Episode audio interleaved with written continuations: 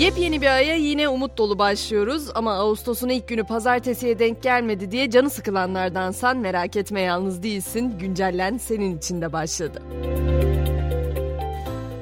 Artan kurla birlikte yurt dışı seyahati zaten hayaldi ama tam tatil sezonunun ortasında yeni aya başlarken alınan son kararla o hayallerin arasına bir set daha çekildi. Bankacılık Düzenleme ve Denetleme Kurumu namı diğer BDDK kredi kartıyla taksitli harcamalara yönelik yeni kararlar aldı. Artık havayolu, seyahat acenteleri ve konaklama ile ilgili yurt dışı harcamalara taksit yapılmayacak.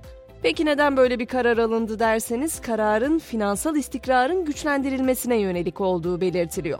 Bu arada gün geçmiyor ki yeni bir vergi de ortaya çıkmasın. Şimdi de günübirlik kiralanan evlere vergi getiren düzenleme yolda. Bu evlere sertifika belgelendirme şartı getirilmesi ve bu evlerden elde edilen gelirden vergi alınması planlanıyor. Çalışma yıl sonuna kadar hayata geçirilecek. Ama merak etmeyin tüm bu vergi ve borç yapılandırma konusunda son ödeme süresi uzatılmış durumda. Sigorta prim borçları 3 Ağustos, yapılandırma kapsamındaki vergi ve idari para cezalarıyla MTV'nin ikinci taksit ödemesi 4 Ağustos Cuma gün sonuna kadar yapılabilecek. Ceplerimiz kadar kendimiz de yanıyoruz bu sene. 2023 yazında sıcaklıklar biliyorsunuz rekor üstüne rekor kırıyor. Yarından itibaren de Eyyamı Bahur'u bekliyoruz. Bilim insanları bu tabloyu şöyle yorumluyor. Onlara göre sıcaklık rekorları iklim değişikliği ile birlikte ısınan bir dünyanın resmini çiziyor. Dünya siyaseti de en az havalar kadar sıcak. NATO üyeliği bizde de tartışma konusu olan İsveç'e Macaristan parlamentosundan onay çıkmadı parlamentoda İsveç'in NATO üyeliğine onay için gerekli çoğunluk sağlanamadı. Teknoloji dünyasında ise Twitter artık yerini X markasına bıraktı. X'in yeni tweet paylaşma kısmı gönderi olarak değişti. Retweet de repost adını aldı.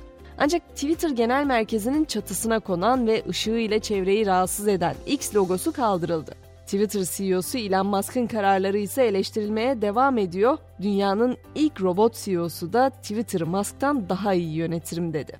Teknoloji dünyasının bir diğer devi Apple ise ürünlerine getirmeyi planladığı ilginç özellikler için sık sık patent başvurusunda bulunuyor. Teknoloji devi şimdi de takan kişinin beyin dalgalarını okuyabilecek bir AirPods'un patentini aldı.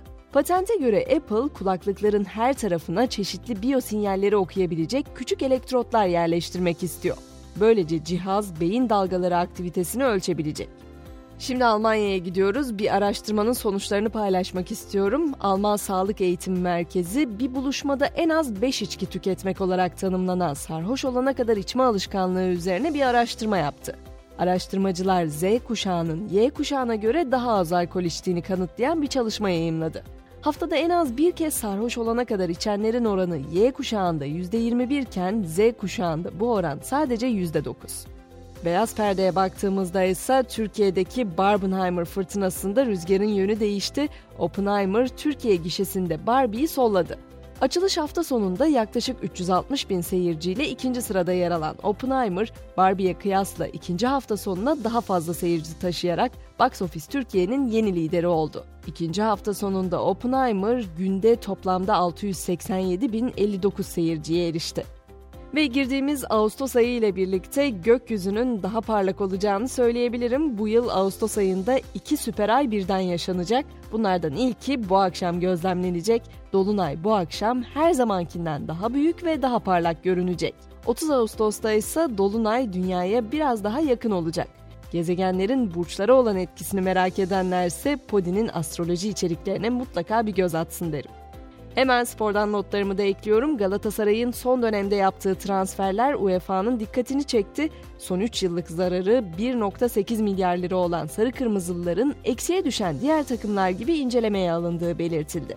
Bu arada Galatasaray'ın UEFA Şampiyonlar Ligi ikinci eleme turu rövanş maçında Jalgiris'le oynayacağı maçın biletleri de satışa çıktı. Bilet fiyatları 500 ila 9000 lira arasında değişiyor. Bu akşamsa Fenerbahçe İstanbul'da 5-0 yendiği Moldova ekibi Zimbru ile Avrupa Konferans Ligi ikinci öneleme turu rövanşında karşılaşacak. Moldova'daki karşılaşma saat 20.30'da başlayacak. Biz de böylece güncellenin sonuna gelmiş olacağız. Bu sabah mottomuz Nietzsche'den. Şöyle diyor. İnsan en akıllıca olanı değil, ruhuna cesaret veren, onu umutlandıran düşünceyi tercih eder. Yeni aile birlikte umutlarımız eksilmesin diyorum ve akşam 18'de tekrar görüşünceye kadar herkese güzel bir gün diliyorum. Şimdilik hoşçakalın.